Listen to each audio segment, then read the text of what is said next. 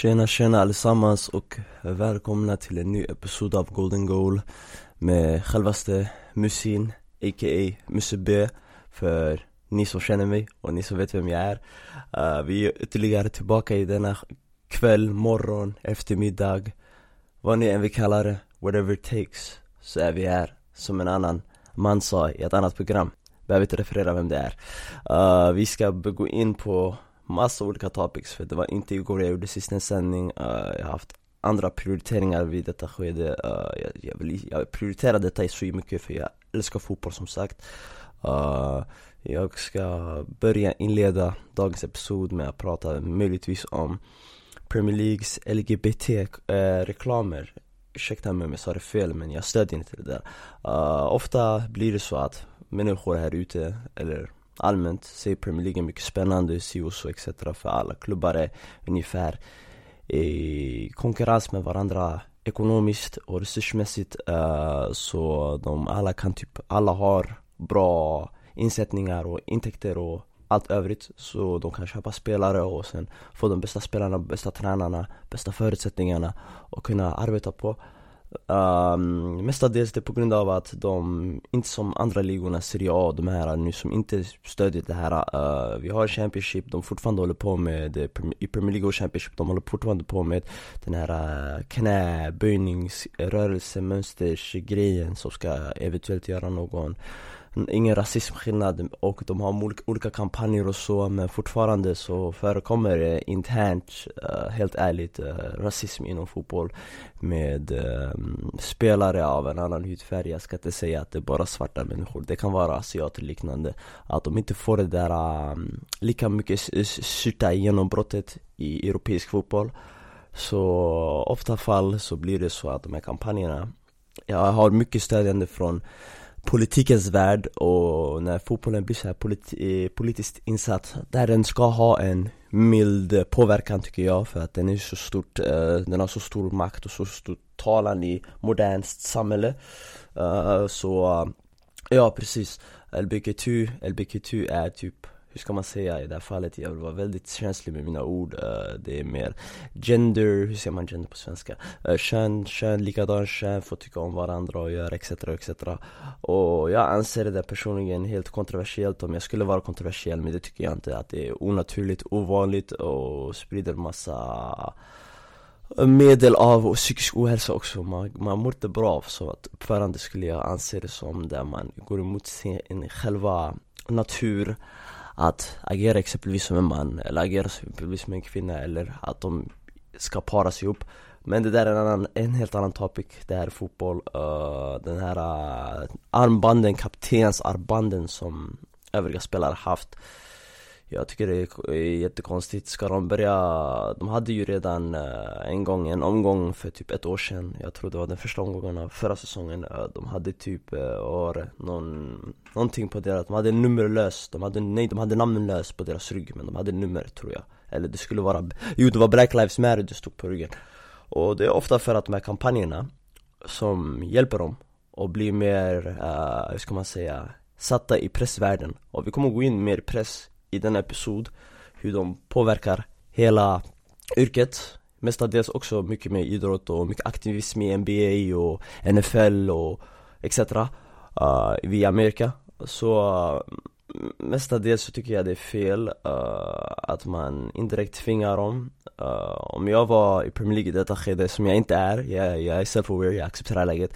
Uh, jag, hade, jag, hade, jag, hade, alltså, jag hade sagt nej eller jag hade sagt uh, dra min veckolön eller ja, egentligen vad ni vill, jag vill inte, jag vill inte sprida, fortsätta sprida detta för det är ett väldigt konstigt och tabu ämne och jag anser det som fel, helt ärligt uh, Det var från Premier League LGBT um, ehm, reklamkampanjer, Black Lives Matter, Premier League. Därför folk anser för pressvärlden har en påverkan.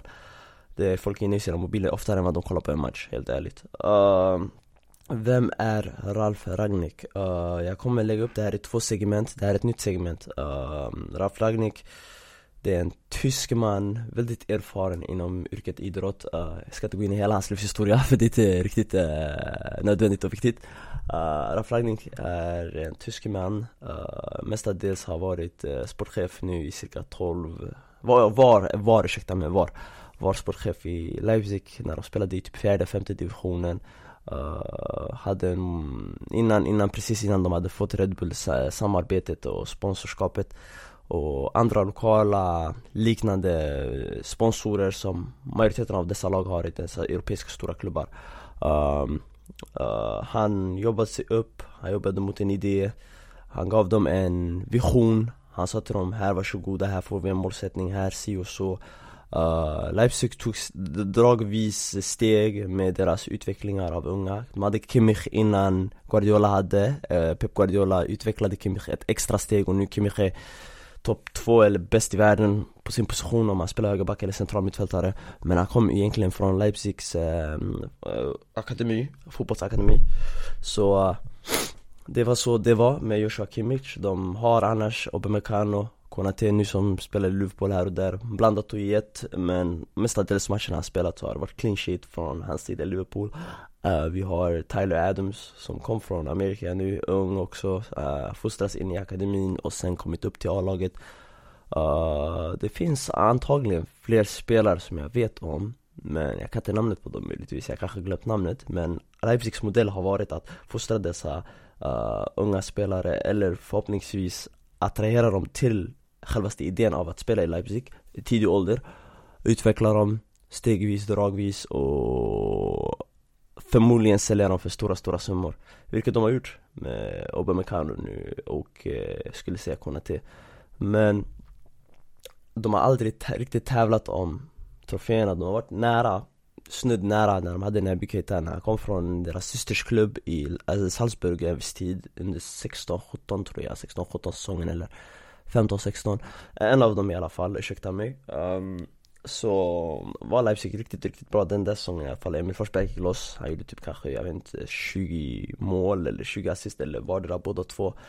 Och det var riktigt bra, uh, men han har inte han har inte haft tiden uh, med, egentligen med de här tränarbytena också med att uh, Ralf, uh, ha, Ralf Hasenhutel också som var deras egentligen första tränare som var med när de tävlade om ligatiteln med Bayern München lämnade och eh, han kom in eh, och han var tränare över det där. Och säsongen han var, för hela säsongen han var fullbordig tränare, det var 18-19 eh, De släppte in 30 mål på typ 34 omgångar. Och så hade de typ jag vet inte om det var typ ungefär, ursäkta, jag tror, jag tror det var typ mer, x antal matcher. Om det var i snitt Per match så var det typ att de hade noll insläppta typ varannan, varannan tredje match eller så.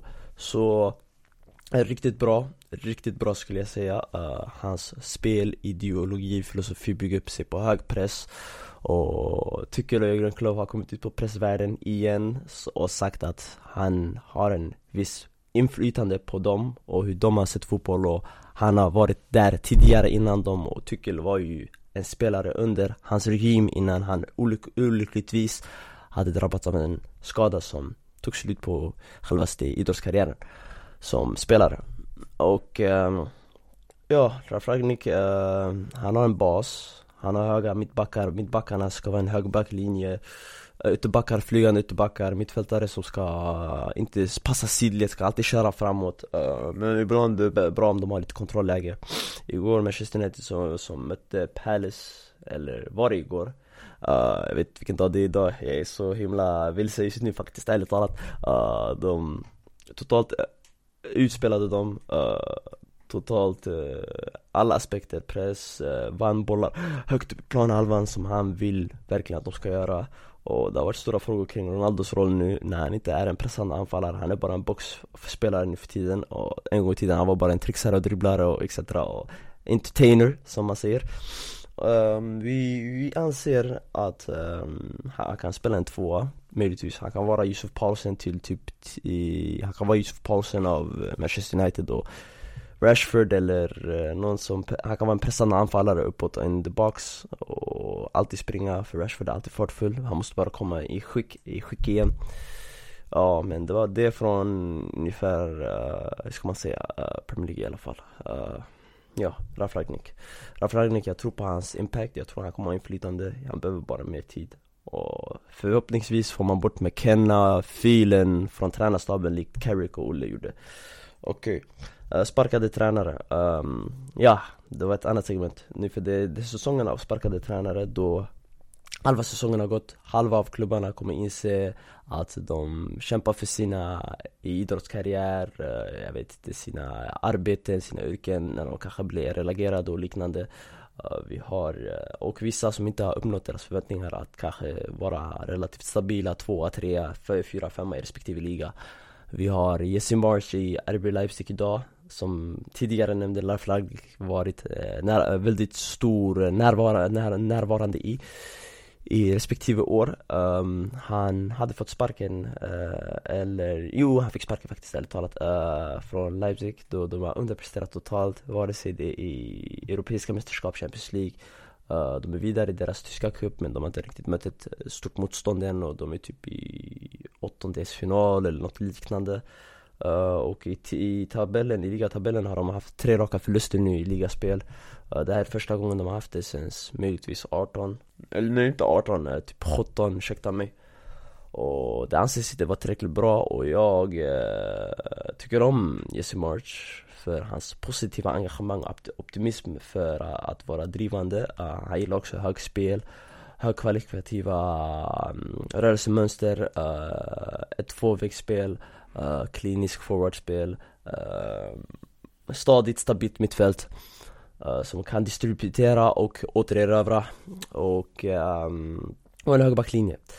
Och han har varierat med, med sina formationer, ibland har han spelat en trebackslinje för att uh, Mukulele, Mukulele ska kunna passa in som höger mittback eller att uh, Angelino ska exempelvis vara typ en vänster mittfältare när han inte riktigt är tillräckligt uh, utvecklad än idag att spela på vänsterbackpositionen Men han har fortsatt sätta in Gualdirol som fick ett genombrott i EM med Kroatien också. Ja, Han har varit bra, ärligt talat. Och Nkunku har bara tagit ett steg relativt i karriären med sin produktivitet och producerande men eh, överlag resultaten har inte uh, hjälpt och resultaten och det var ganska väntat att han fick sparken. Jag trodde han hade fått, ärligt talat, fått sparken kanske en månad sen. Uh, Det här var en låg risk, uh, high reward köp av en tränare från en systersklubb då alla, alla Red Bull etablemangen är täta insä, insä, insatta med varandra. Uh, nu no, exempelvis någon som är överlägsen i MLS i nu, nu, in, uh, nu vad heter de nu? Ursäkta mig.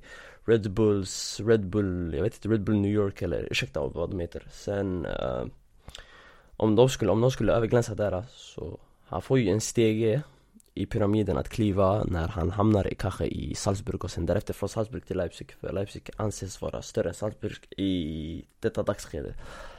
Och ja, uh, Jesse March, jag säger förhoppningsvis ser något mer i honom men han måste kliva ner ett steg ytterligare. Han måste kanske jobba sig upp igen. Uh, Hitta något lag med, värre, med färre, färre idéer och färre målsättningar. Jag skulle säga Braga kanske För Braga, Braga ofta tränarna Braga från Braga, de är offensiva, de blir de blir, de blir alltid bättre Eller de blir bättre för att egentligen kliva ner. Paul Fusenka är ett exempel igen Som nu måste sänka sina förväntningar om han ska få ett eh, arbete någonstans med någon respektive eh, idrottsförening. Och eh, vi har um, det var Jesse Marsh i alla fall, Olle har fått sparken. Uh, Det har ryktats att uh, Dean Smith, eh, många av de Premier League-tränarna har fått sparken. Sen en, två tränare i Serie A, jag följer inte riktigt Genoa helt ärligt. Men de sparkar tränare vänster, höger, Krot, inte Crotone, vad heter de? Venezia. Venezia sparkade också sin tränare och uh, det var någon annan som sparkade sin tränare, ursäkta mig. Um, Juventus nya dokumentär, ah Serie A! Uh, Juventus nya dokumentär, uh, all, all out, uh, de hämtade det, man följer bara det nya temat av vad de andra klubbarna tidigare har gjort, respektive landslag. Jag har inte kollat på den här dokumentären. Och jag anser det som tråkigt när filmning, då det är ett krav, ett av de, möjligtvis de sju, åtta kraven som en idrottare ska vara med på omedvetande eller medvetande i sin karriär. Uh, han ska bli filmad uh, när han pratar kanske med pressvärlden och så, så och uh, resa och liknande. Det finns andra små saker. Och den jag anser den bara som typ tråkig och typ uh, egendimensionell, inte kreativ alls. Underhållande för att vi får se kanske Bonucci i ett uttalande skrika på sina lagspelare och eh, det blir ju det blir ju inte så mer än så. Hur, hur vet man vad som egentligen är typ manus, manus och hur vet vi vad som är ärligt talat av dem när de vill prestera gentemot deras uh, förväntningar. Så det blir ju alltid one dimensional, alltid det ska bli hyllningar. Tottenham, vi hade, vi Tottenham City liknande, vi hade en två alternationer med Mourinho när han skriker på Tottenham-spelarna i West Ham-matchen. Eller Guardiola och Fabian Delf när de anses ha rökt upp i omklädningsrummet uh, Vid Manchester United-förlusten 3-2 för tre år sedan. Uh, Nej, för tre och ett halvt år sedan. Så um, vi vet inte ungefär vilken som vad som är scripted och vad som är, vad som är ärligt, kommer från en ömsesidig plats och alla de här dokumentärerna uh, visar sig bara på att idrotten kommer stödjas mer, de kommer få betydligt mer sponsorer, det kommer att filmas mer och de kommer få mer intäkter och mera valutor och en större ekonomi. Jag ser inte det som något problem ärligt talat för jag köper Nike-byxor och liknande och jag vet att det där hjälper dem så jag ska inte gå tillbaka på mitt ord. Men Precis så det uh, En annan sak det är bara åsikt kring tatueringar. Uh, Ofta spelare innan de får en dos av tatueringar i sin kropp Då de är idrottsmän De borde främst, är, enligt mig, inte ha tatueringar men Jag är ingen i det här fallet som ska säga till någon egentligen vad de kan och inte kan göra. Men det är för, främst för att hålla det här blodet friskt och de har ju mått att möta som sagt eh, och eh, de håller sig också vid en ödmjuk nivå om man inte tatuerar. Det finns människor också som är snälla med tatueringar men ofta jag kollar på dessa unga spelare idag. Mason Greenwood exempelvis. Eh, säsongen innan denna, han var inte så bra faktiskt ärligt talat. Men han hade fortfarande den här approachen till matchställningen och han hade den här inställning, inställningen att um, spela för laget och så och så nu han fick en spindeltatuering på sin handled eller liknande och han har fått väldigt mycket hybris och jag anser det som jättetrist helt ärligt. Eh, det var bara ett exempel på han. Och uh, många andra spelare kan följa den där routen av en tatuering, kan ändra deras, hela deras personlighet och få dem att bli något på låtsaslejon när de egentligen faller bara vanliga människor. Uh, det är så att vi ska gå in på ett annat segment nu som är VM-kvallotten. Sverige möter uh, hemma, de möter ett Tjeckien uh, på Friends Arena den 24 mars. Biljetter finns snart att köpa, uh, gå in på, jag vet inte vad webbsajten heter, nya, Knas, jag glömde, Knas. Sen uh, vi har, vi har uh, möjligtvis, uh, vad är det, Turkiet mot Portugal, Italien mot, jag minns inte vilka det var, Nordmakedonien. Och vi har um, Skottland, Ukraina, Ryssland, Polen och Wales, Österrike. Uh, Jag är ingen bettande man, mm, jag gillar, jag gillar att vara, jag gillar att ha den här tanken av oförutsägbarhet. Jag går in i Sverige, Tjeckien främst först. Sverige har ett problem när de möter lag med liknande um, kompakthet och, eh, och gemenskap skulle jag säga. Och Tjeckien spelar i ett 4-2-3-1 och det är många långa kraftfulla spelare i deras spets. Förutom Patrik Schick. Och sen de har ju Thomas Suchek på fasta stationer, Thomas Kalas, Selutska. De har en bra målvakt i Vaslik Som är bra i luftrummet, uh, bra reflexer, bra, bra handkontroll. Uh, Vi har, uh, det, är ett svårt skede helt ärligt. Jag ser Sverige gediget vinna kanske någon udda 2-1 vilket i synnerhet betyder att de inte kanske vinner alls för att Tjeckien är svåra att bryta ner. Uh, Tjeckien, de är enade, de spelar lite fult här och där men de är enade, likt hur Ukraina var enade när de mötte oss och Sverige anses ha mer world class eller klassspelare i deras respektive landslag. Och det är bara upp till tränarstaben att hitta på något. Uh, För efter om Sverige besegrar dem så är det Ryssland borta. Eller Eh, ja, Ryssland borta eller Polen borta? Så det är antagligen, vi vinner Friends, vi går till Warszawa eller Moskva. Och Moskva, de hade ju, vi hade ju, vi har ju haft det bra tidigare med eh, eh vad kallar man det? Just det, ursäkta. När vi besegrade Slovenien i EM senast och eh, när vi hade våran mycket bra mästerskap skulle jag säga, 18 i, i Ryssland.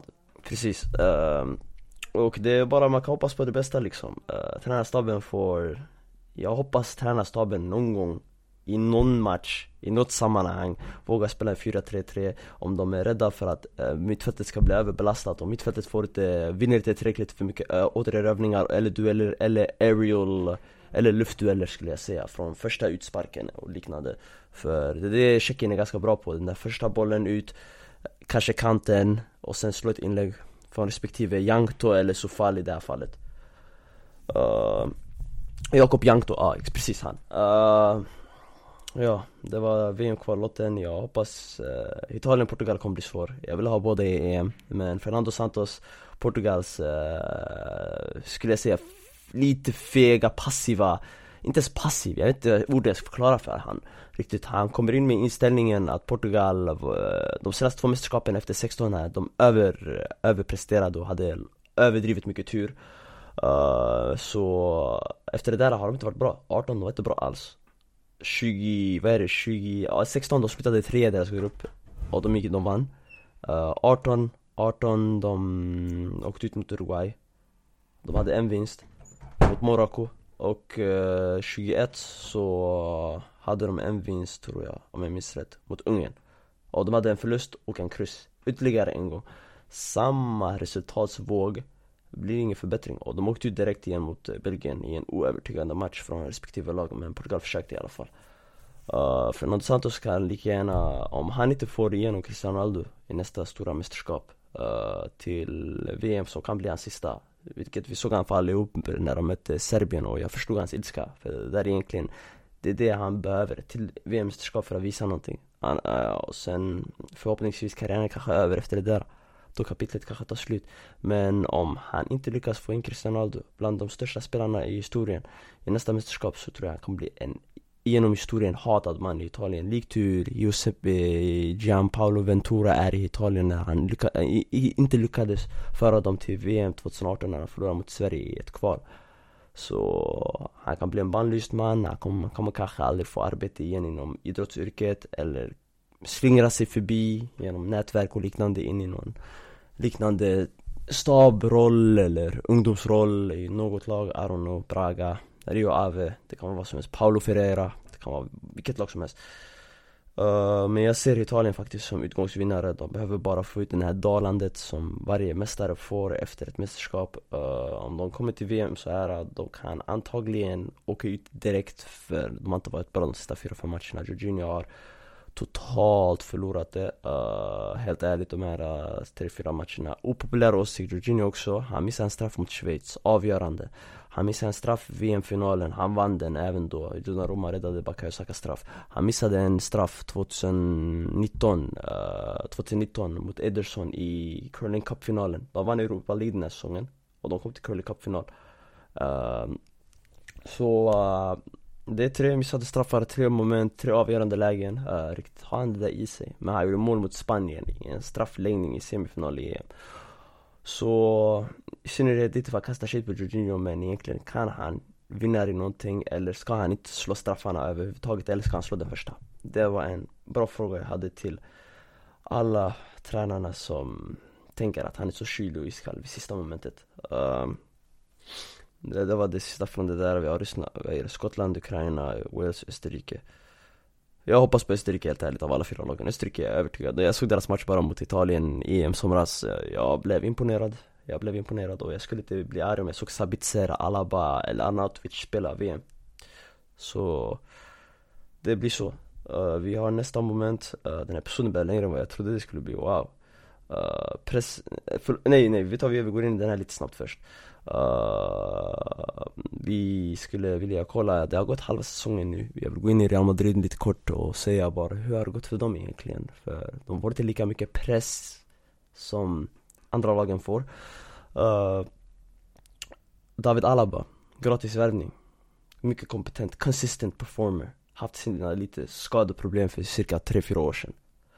Uh, Likt Thiago Silva, mycket pålitlig han och Thiago Silva har något gemensamt, vilket är att de är överlag kompletta och mycket, po mycket pålitliga, mycket pålitliga. Um, Han har varit grym. Free transfer från Bayern München. Kanske dyr att ha i sin respektive trupp men det är Real Madrid egentligen och det är David Alaba. Han har meriten för att kräva det han kräver. Um, Han är en consistent performer. Uh, De har varit riktigt bra överlag försvarsmässigt. Uh, Producerar jättemycket poäng, Vinicius, Benzema, Asensio. Inte bara Hazard kanske, Hazard och Rodrigo är de enda. Och Luka Jovic är typ de enda i truppen som inte uppfyller deras eh, roller effektivt när de kommer av bänken. Gareth Bale kommer gå ut.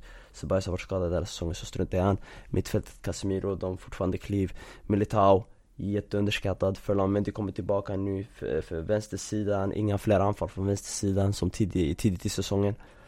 Och uh, David Alaba, han värvning av säsongen hittills. Jag vill gå ut och säga ett tidigt ja. Han är värvning av säsongen, han är gratis. Kom från Bayern München. Gjort, gjort, gjort dem solidare. Uh, Överlägset etta i La Liga. Etta i respektive Champions League-grupp. Uh, Hur många kryss har de? De har en kryss mot Osasuna udda hemma. En förlust i, mot Sheriff Tirespor i Champions League. Uh, Inte så mycket faktiskt. Alltså, Ancelotti tar fram det bästa ur denna möjliga trupp när det ändå är ett gäng bra spelare. Carvajal också på nytt född. Riktigt bra igen. Även om han har haft sina problem. Uh, Real Madrid är helt grymma faktiskt, helt ärligt talat. Och de, de går som tåget. Vid sista momentet, eh, uh, pressvärlden, en sista gång.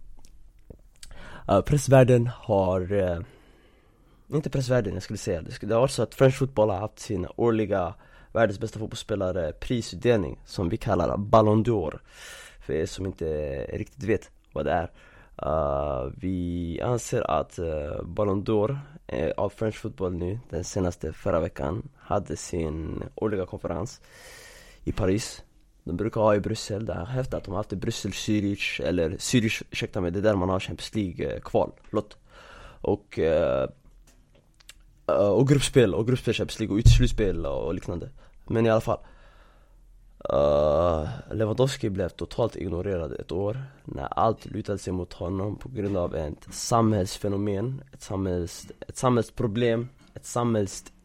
whatever uh, Som heter, jag vill inte säga whatever men i det här fallet, jag vill inte vara respektlös mot dem Som möjligtvis har blivit drabbade av det, men ett virus, ett spridande virus.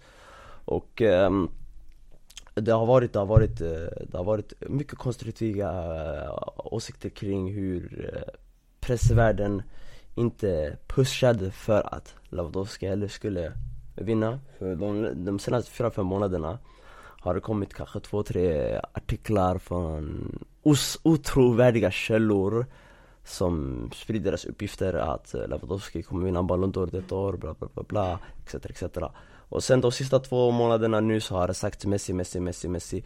Till och med Patrice Vieira, nej Evra, Evra, ursäkta mig, Evra. Evra kom ut dagen innan med ett foto av han och Messi i någon duell i hans instagram och sociala plattformar.